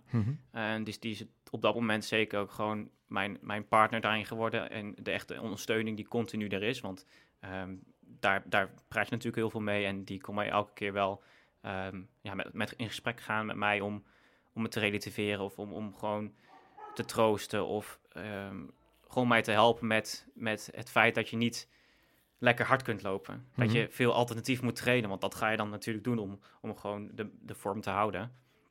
Eh, maar die heeft mij daar wel heel erg veel eh, geholpen. En, en daar kwam het wel op neer. Gewoon veel alternatief trainen.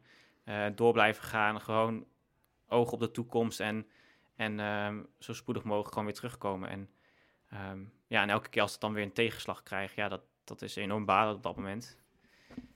En ja, je gaat wel gewoon door. En nu, wat nu je verder bent en je hebt, we hebben het verhaal achter ons van het, eh, van het EK landenteams in Polen.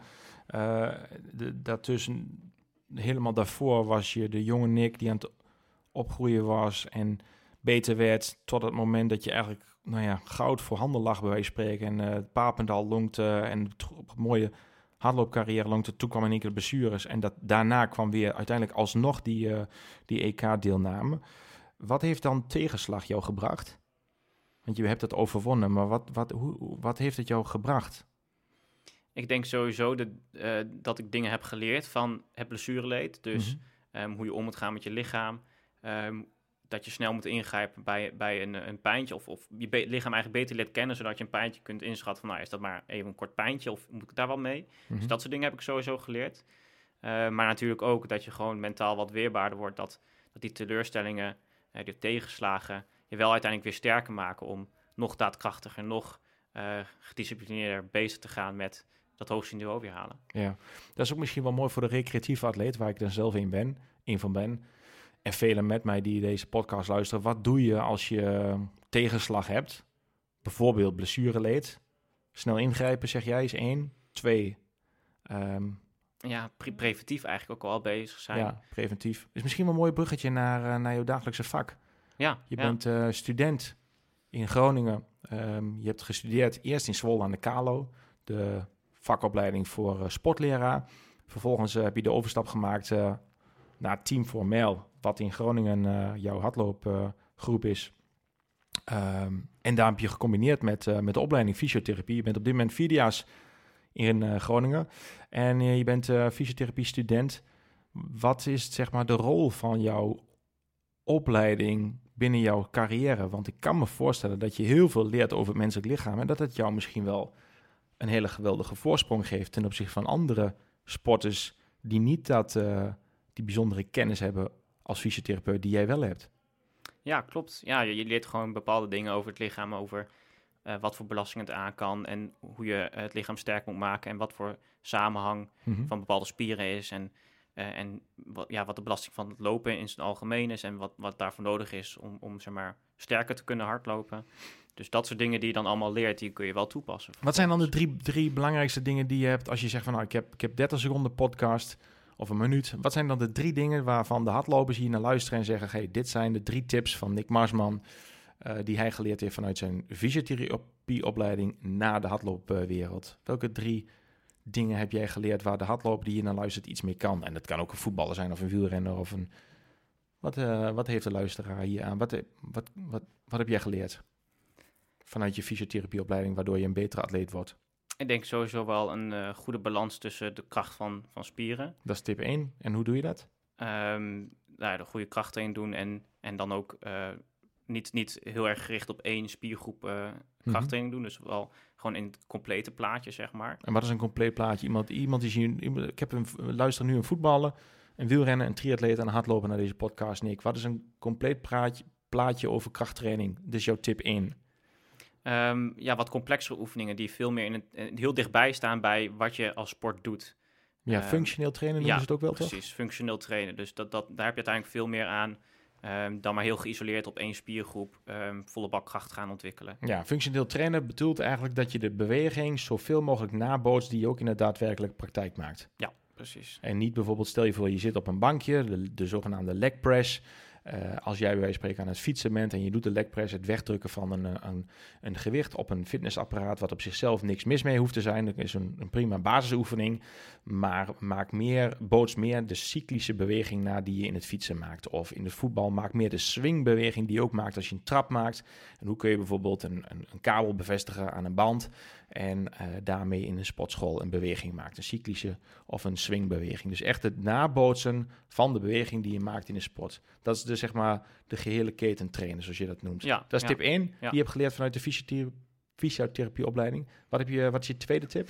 Ja, punt 2 zou ik dan wel zeggen dat um, met name voor hardlopen dan, maar dat zal ook voor heel veel andere sporten natuurlijk goed zijn, is de core stability. Mm De, dus op de juiste manier waarop je dat kunt uh, gaan trainen. Want er zijn nog wel oefeningen die dan eigenlijk dan misschien net veel je onderrug in de verkeerde houding uh, trekken, die wat te veel belastend daarvoor zijn. Of dat, uh, dat het niet de meest efficiënte manieren zijn om, om die core stability te trainen. Dus op die manier heb ik wel geleerd dan om dat wat efficiënter te doen. En hoe vaak zou een recreatieve atleet, zoals bijvoorbeeld Henk Jan, ik ben een van de luisteraars, um, hoe vaak zou een sporter zoals ik, ik ben een fietser, ik ben een loper, ik doe een beetje aan roeien en fitness, dat zijn zeg maar een beetje de, de, de dingen, uh, de sporten die ik bedrijf. Hoe vaak zou ik uh, aan core stability oefening moeten doen, Nick?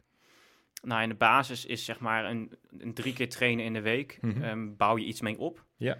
En als je op een gegeven moment uh, het niveau bereikt wat je graag wilt hebben, dan zou je twee keer in de week dat kunnen doen. Helder. Om het okay. te behouden. Dus één is de, de functionele algemene training. Twee is core stability. En drie, wat is jouw derde gouden tip vanuit de fysiotherapie opleiding die je hebt geleerd, waarvan je zegt, hé, hey, maar nu weet ik dit. En dit is toch eigenlijk wel wat ik toch wel zou toepassen en wel meegeven aan de recreanten. Ik denk in een hele ander, heel ander gebied, Mhm. mm -hmm. um, wel meer de stresskant van het leven en de invloed dat het heeft op, op je lichaam.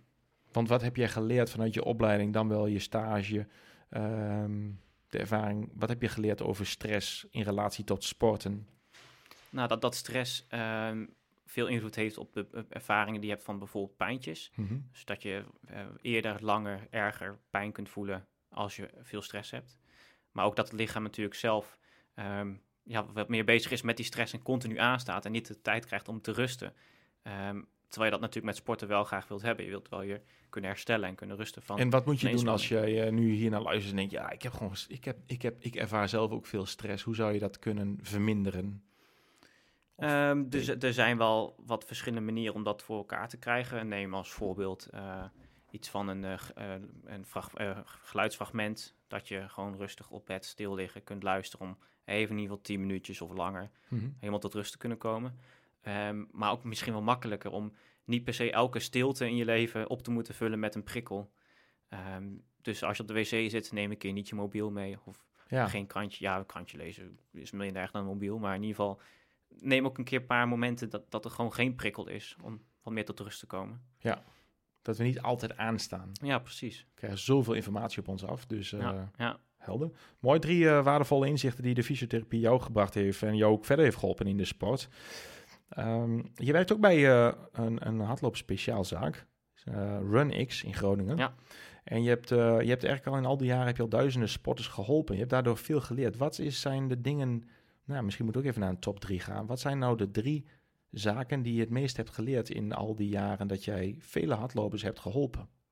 Welke dingen kom Ja. je tegen in het recreatieve veld waarvan jij zegt van hé, hey, daar, dat heb ik geleerd en ik kan daar nu ook een goede tip over geven voor de recreant? Nou, wat wel interessant is om terug te kijken naar de afgelopen jaren, dat de jaren waarin natuurlijk corona om de hoek uh, kwam kijken. Mm -hmm. um, en de momenten dat we wel open waren, dan zie je best wel, toen hebben we best wel veel um, recreatieve lopers gezien die bij ons in de winkel kwamen. Die waren begonnen met hardlopen in de coronatijd. Nou, supergoed. Dat was een mooi toegankelijke sport om te doen. Um, we willen daarvoor nog niet per se goede schoenen kopen. Dus we hebben destijds wat uh, simpelere, goedkopere schoenen uh, aangeschaft. Maar die komen vervolgens wel dan bij ons met het idee van... ja, hmm, ik heb daar en daar last van. ik heb het idee dat het door de schoenen kan komen. En, en dat beeld, dat, dat is echt dus sterk naar voren gekomen tijdens de coronatijd. Ehm, en dat is wel punt één wat ik dan noem, is dat goed schoeisel wel echt van belang is um, om gewoon wat makkelijker, ehm, ja, wat meer te gaan hard, hard te gaan lopen. En hoe kom je bij goed schoeisel? Stel, mensen komen niet bij Runnix in Groningen, want ik woon bijvoorbeeld uh, in een andere plaats. Uh, hoe kom ik aan goed schoeisel? Nou, een hardloop speciaalzaak heeft uh, veel verstand van mm -hmm. um, hoe men loopt op schoenen en wat voor schoenen verstandig zijn voor bepaalde type lopers of mensen. Um, zorgt er ook voor dat je een winkel zoekt die dan. Je zegt type lopers en type mensen. Betekent dat je een. Wat is een type loper en wat is een type mens? Ja, dan bedoel ik het in algemeen gewoon ja, allerlei factoren bij elkaar. Dus um, een loper die misschien wat meer op de hak loopt of wat meer op de midvoet, voorvoet. Dat zijn natuurlijk standaard verschillen die mm je hebt. De meeste landen wel op de hak. Um, maar vervolgens speelt bijvoorbeeld het gewicht uh, daar een rol bij. Uh, of de blessuregevoeligheid van die persoon is in het algemeen. Dus dat zijn allemaal variabelen die uiteindelijk leiden tot een andere, tot, tot een bepaalde schoen. Ja, ja en, en daarnaast natuurlijk ook nog de pasvorm, um, die bepalend is voor welke schoen dan beter zit. Dus, dus er zijn heel wat factoren die daar uh, een rol in hebben. Ja. Um, dus dat bedoel ik een beetje met uh, type lopen. Dus ja, eigenlijk is, is geen enkel persoon dan hetzelfde daarin. Dus mm -hmm. altijd wel weer wat nuances die je kunt maken voor een, voor uh, een bepaald persoon, wat net weer verzorgt dat hij geen andere schoen het beste ja. kan gebruiken. Zeg je dan eigenlijk mee dat het echt in de absolute topsport, dat het eigenlijk helemaal niet zo uh, optimaal is? Want als je kijkt bijvoorbeeld naar, noem even het NN Running Team, 's werelds beste hardloopteam, daarin zie je, begrijpelijk vanwege sponsor en commerciële deals, dat eigenlijk alle lopers in dat team op dezelfde, nou ja, ik weet niet of ik het helemaal goed zeg, maar de meeste lopers bij de majors, oftewel de grote marathons in de wereld, op een bepaald moment allemaal met dezelfde schoen lopen. Of misschien op één of twee verschillende types. Terwijl ze allemaal een verschillende achtergrond hebben, verschillende loopstijl wellicht. Uh, nou ja, gewicht zal wel redelijk vergelijkbaar zijn allemaal. Um, ja, eigenlijk geeft dan de, de, de professionele sport, topsport misschien niet eens het goede voorbeeld. Um, nou, de, de, daar of kan je wat over zeggen uh, hoor. Want is iets dat uh, snel door de bocht. Ja, denk ik wel. Um, want als topsporter, als toploper, heb je op een gegeven moment wel bijna dezelfde type voetspanning. Klopt. Ja, dus bepaalde loopstijl, voetspanning, gewicht Yes, is dan allemaal hetzelfde. Allemaal voorvoetlanden. Met name wel, ja. Dus Precies, misschien ja. dat het hele kleine Ja, nuances zijn, dat de schoen net wat beter past bij die andere persoon. Maar over het algemeen hebben ze vrijwel hetzelfde Klopt. Dus eigenlijk bevestig je daarmee gewicht, loopstijl, loop. Nou ja, alle variabelen zijn daarin wel redelijk op hetzelfde. Daar- Dat is ook de reden dat het helemaal uitgekristalliseerd zijn zo goed. En dat is ook de reden dat ze kiezen voor die type schoen. Helder. Dus het bevestigt eigenlijk wat jij zegt.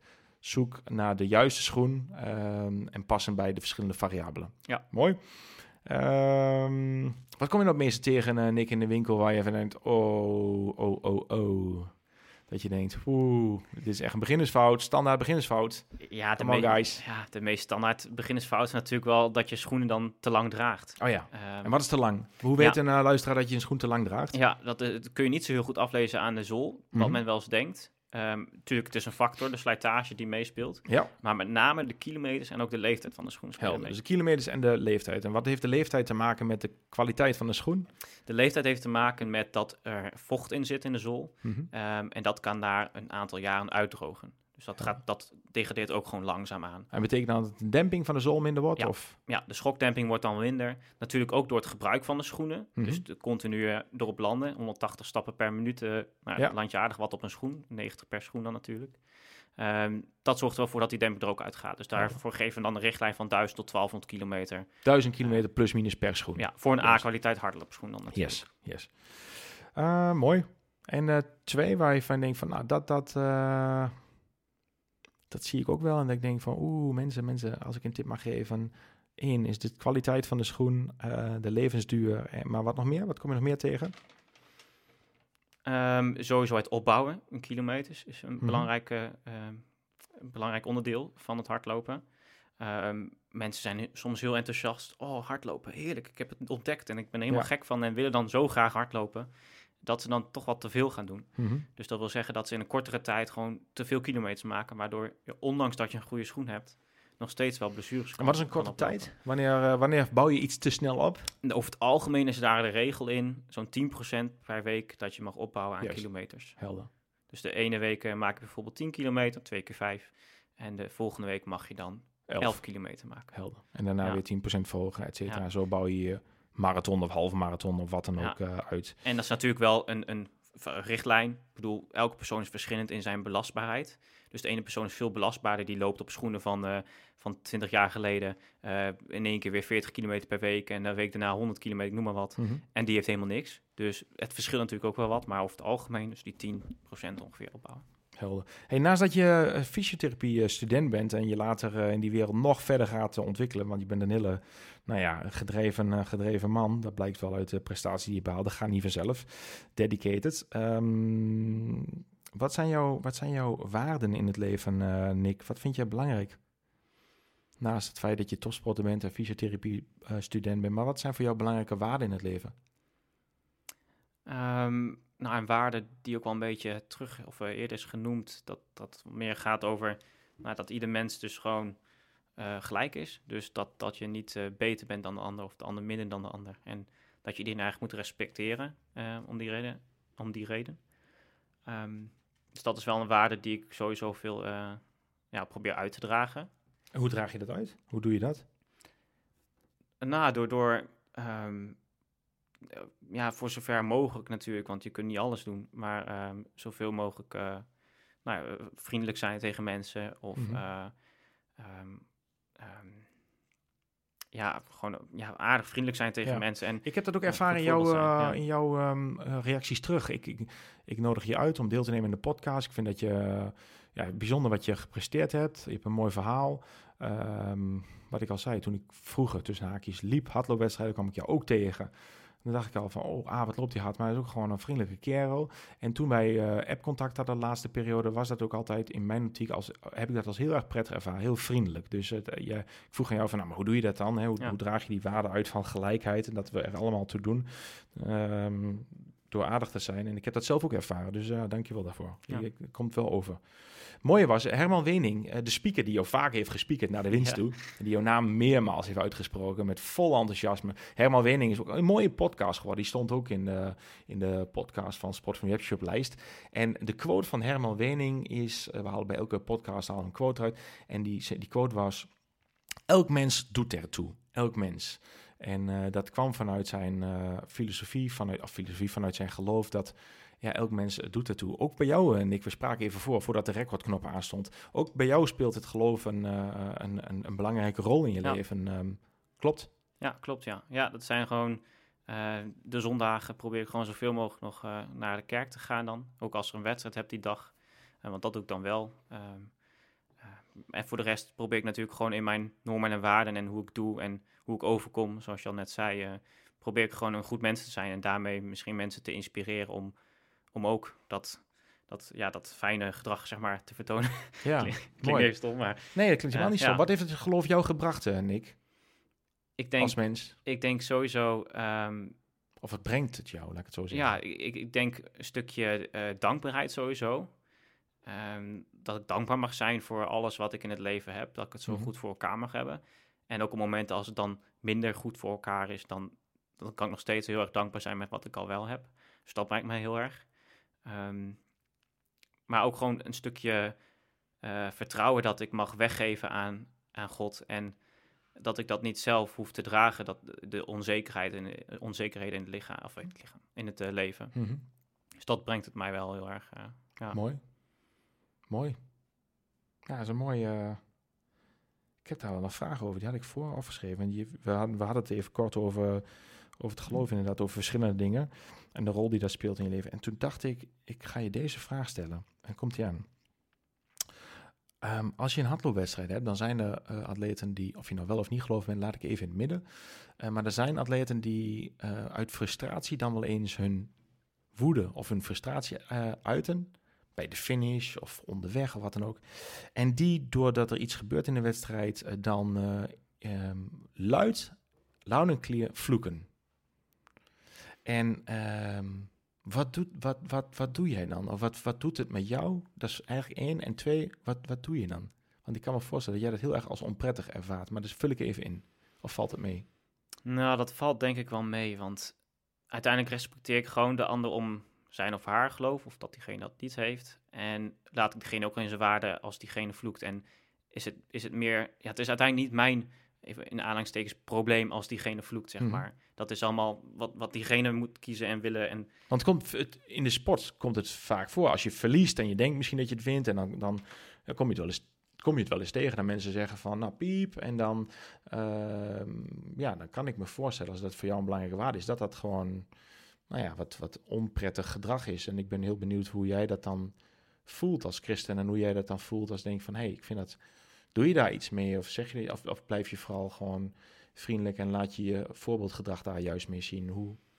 ja, ik probeer dat natuurlijk zelf dan gewoon niet te doen. En kijk, aan de ene kant heb ik natuurlijk heel veel begrip ook voor iemand Mhm. die dan wel scheldt. Want er is een emotie die dat oproept. En we zijn allemaal mensen, ik ook. We zijn allemaal zondig, als ik het zo even noem.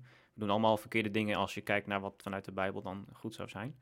Ehm, dus ook al zou diegene dat doen, ja, dan ben ik heel erg vergeefsgezind en denk ik, ja, weet je, Mhm. we zijn niet allemaal eh, heilig, zeg maar. Nee. Zo. Ehm, even, nee, dankjewel. Mooi. Ik was nog wel benieuwd hoe je daar dan mee omgaat. Eh, wat iets voor jou een belangrijke waarde is. Want er komt natuurlijk veel tegen in de sport. Want in de sport gaat het niet alleen over winnen, maar er zijn veel, veel teleurstellingen ook te verwerken. Dus eh, een aantal hebben we er besproken. Jouw blessureleed onder andere, wat je hebt overwonnen. En wat het je ook wat gebracht heeft. Heb je nog een, eh, we gaan zo richting het einde van de podcast. En ik, we zitten alweer bijna op een uur, wist je dat? Ja, ik, ik, ik had wel het idee dat we wel redelijk bezig waren. Maar het gaat wel sneller dan je denkt. Oké, ja. goed zo. Ehm, ik heb nog een, ik heb echt nog drie vragen jou. Eén eh, is deze. Wat is jouw eh, grote droom nog in het leven? Of nog, het is net of je heel oud bent, maar je bent nog super jong. Maar wat is jouw grote droom? Wat droom je van? En het mag sportief zijn, maar het mag ook over het leven zijn. Voor jezelf, voor je familie, met Linda of wat is je droom? Ja, op, op sportief gebied ehm, lijkt het echt nog heel gaaf natuurlijk, vanzelfsprekend, om, eh, om de Olympische Spelen te halen. Oh, wauw. Of dat haalbaar is. Dat Wat zou dan zijn? Is het dan Parijs of LE? Nee, dan zal het er wel al E zijn, Ja, precies. ik, ja. Ja, ja, ja. En waar wil je dan op uitkomen? Ja, nu die potentie bij de stiepel eh, aanwezig is, is dat wel een doel. Ja. Zo, geweldig. Ja. Geweldig. Maar i- natuurlijk ben ik realistisch en wil ik eerst, eerst gaan kijken naar hoe het af Mhm. of komende jaren gaat. Maar dat is wel En iets wat in je achterhoofd Moet je dan een bepaalde tijd lopen of een bepaalde ranking? Of Nee. kan het beide? Eh, een bepaalde tijd, uh, En wat is de tijd ranking of alleen een bepaalde tijd? Helder. En welke tijd is nu op dit moment de limiet op de 3000 stiepel? Ehm 820 moet je 820. lopen voor de Olympische Spelen. En dan moet je ook nog een ranking hebben. En Helder. als je 815 loopt, dan maakt die ranking niet uit. Nee. Precies. En is 820 te realiseren? Je loopt nu 839. Je zit daar 19 seconden eh, boven. Ja, klinkt nog als veel, klopt. dus nee, vandaar ook de onzekerheid. Is maar vraag. ehm, ja, als, je- als je kijkt is realistisch naar... Ja, het is, het is wel realistisch. Als je kijkt naar de 3000 meter die ik nog wat kan En verbeteren...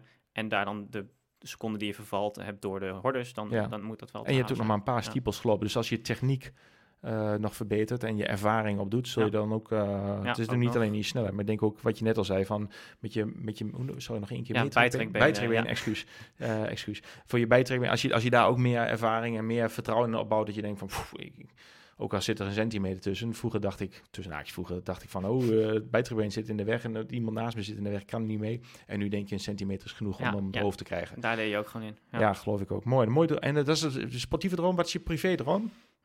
ja privé-droom is dat... ehm, nou ja, uiteindelijk wil ik bijvoorbeeld met eh, fysiotherapie dan een eigen zaak hebben. Cool. Lijkt me gaaf. Om, om dan zelf ook gewoon sporters verder te kunnen helpen met hun doelen. Mhm. Ehm, en daar gewoon mijn, mijn kennis eh, mee delen om, eh, om hun ook een, een fijne sportieve, maar ook een privé eh, leven te krijgen. Mooi. Ja. Nou, mooi, eh, een mooi vooruitzicht. Ja, Mooi zo. Eén laatste vraag die ik voor je heb, Ja. is als volgt. Welke gasten eh, volgens jou moet ik uitnodigen, eh Nick, voordat ik naar de laatste vraag ga? Wie van jou, wie, van- wie, waarvan je denkt, ja, nou, die moet je eens vragen, Jan. Dat is echt een gave gast. Man, vrouw, maakt niet uit. Mag ook een ploeg zijn of meerdere mensen. en mag iedereen uit de, ja, mag zijn? iedereen. Mag ook iemand zijn die je niet kent Ja, of die je wel kent, maar die jou niet kent. Dat, mag, dat maakt niets uit. Ja, ik, ik denk dat, dat het wel heel interessant is om eh, Jacob Ingebritsen. Oh ja, ja ik weet niet of me dat... eh, Ja, dat is wel lastig maar- om hierin te krijgen. Ja, eh, Maar- vertel even. Eh, Bij mij eh, komt- brandt gelijk natuurlijk een lampje. ehm, en ook bij alle hardlopers wel, denk ik. Ehm, maar niet iedereen kent Jacob. Nee. eh, vertel. Nee, dat is een, eh, een jonge 1500 meter loper. 1500 meter, 3000 of eh 5000. Ja, Ehm, wereldtop, die gaat waarschijnlijk ook wel woensdag de finale 1500 meter winnen. Ja. Maar dat weten we nog niet zeker. Ja, want op dit moment, nu we de podcast, ja, nu we deze podcast opnemen, is het eh, WK in eh, Budapest precies, eh, ongoing. ja. Dus vandaar dat Nick dat even aan refereert, dat hij de finale zou gaan Ja. winnen. Dit is ongekend, hè? Ja, hij is, hij is vanuit jonge leeftijd was hij al bizar. zo ontzettend Echt goed. En, en, en al vanaf zijn achttiende zeg maar een van de beste van de wereld. En- Ja, dat is echt bizar. Die jongen komt in Noorwegen, ja maar klopt. niet alleen hij is goed, ook zijn twee broers. Ja, precies. Ze hebben een hele hè? interessante trainingssetting gehad eh, met hun vader. Getraind Ja. door vader, echt nooit iemand anders. En Ja. hij is ook sinds nou, 2021 of zo is hij dan van zijn vader losgegaan. Mhm. Traint hij nu zichzelf. ja. Dus dat zijn denk ik wel hele interessante verhalen, verhalen Ja. om te horen over Sowieso hoe hij denkt over trainingsleer. Ja, mooi. Het is sowieso interessant om hem eens te kijken op, op zijn social media. Eh, Jacob Ingebritsen, de jonge kerel uit Noorwegen, die, nou ja, verschrikkelijk hard loopt. Iedereen naar huis loopt, dat is echt bizar. Ja. Mooi. Mooi gast, dankjewel. Ja. Ehm, de laatste vraag die ik voor je heb, ehm Nick, komt hij aan. Op 200 plekken in de wereld staat een billboard, daar mag je een tekst op zetten. Een zin, een woord, een quote. Dat is, eigenlijk is dat jouw boodschap naar de wereld. Welk zin, woord of quote staat op het bord, Nick? Ja, ik zou er dan wel eh, het volgende op zetten. Ehm, heb een ander lief als jezelf. Maar mooi. Heb een ander lief als jezelf. Ja. Hartstikke mooi. Dankjewel. Dat is een mooie quote. Wil je die nog toelichten? Hoeft eigenlijk geen toelichting, hè? Nee, ja, dit, dit- dit- precies. Heb, heb elkaar gewoon net zo lief als dat je zelf hebt. En als iedereen dat doet, dan hebben we gewoon een fantastisch, fantastisch mooie wereld, eh, denk ik. Hartstikke mooi. Prachtig. Dankjewel. Nick Marsman in de studio bij eh Sport van in het Experience Center. Prachtig verhaal. Nick, dankjewel. Mooi dat je er was. Ja, je eerste leuk. podcast. Ik vroeg je jou voordat je aankwam. Eh, heb je al eens een podcast eh, gedaan? Zei je, nee, maar ik heb er wel heel veel zin in. Ja, ja, Eh, en nu? Heb je, heb je het mooi gehad? ja, we kunnen nog een uurtje doorpraten wat mij betreft. Nou, mooi. mooi nee, was hartstikke leuk. Mooi debuut. Ja. Hartstikke mooi. Dankjewel. Fijn dat je er was. Luisteraars ook bedankt. Fijn dat jullie er weer waren bij ons. En op naar de volgende. Ik vond dit een, een mooi verhaal van, van Nick Marsman. Eh, hopelijk heb je zelf ook veel aan gehad. En heb je er mooie tips uitgehaald. En ik wens jou een hele mooie verdere dag. Geniet ervan. En heb een ander lief als jezelf. Fijn. Bedankt. Tot de volgende. Hoi.